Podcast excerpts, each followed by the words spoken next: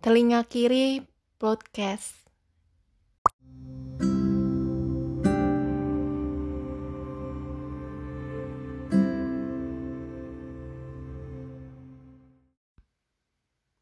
Di antara semerbak aroma kopi, kupingku mendengarkan cerita dari pemilik pabrik kopi yang tengah aku kunjungi.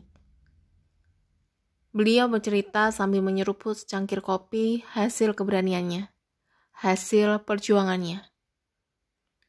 Begini ia bercerita kepadaku. Saya dulu kerja di perusahaan besar, dengan jabatan yang lumayan.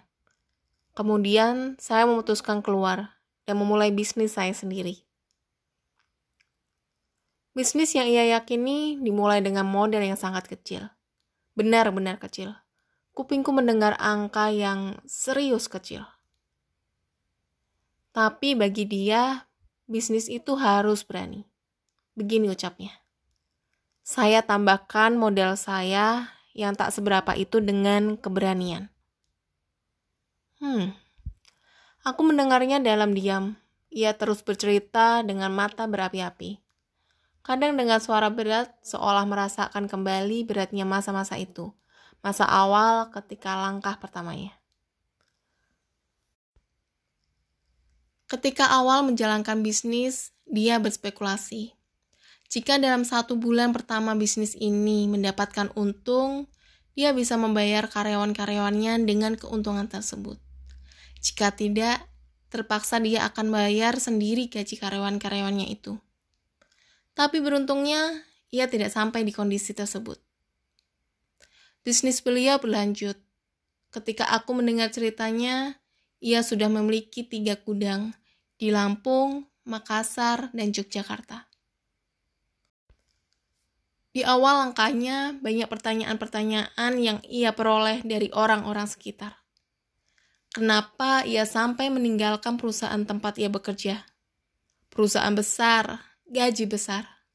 Kenapa ia memilih untuk bersusah payah dengan penuh ketidaknyamanan?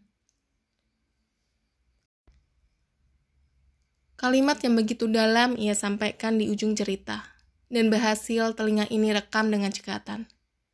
Begini katanya, Mungkin jika saya bekerja di sebuah perusahaan besar, saya akan dapat uang dengan cepat dan besar pula. Tapi kalau saya bangun usaha sendiri, saya dapat menyebarkan rezeki, termasuk menyebarkan kesenangan untuk para penikmat kopi.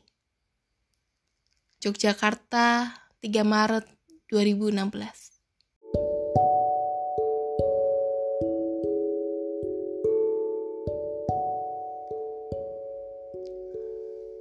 Tidak mudah ketika kita berproses banyak yang meremehkan itu pasti. Tapi yang penting diri sendiri yakin. Walaupun kadang ada rasa takut akan hari esok, cemas, was-was yang sering menghampiri.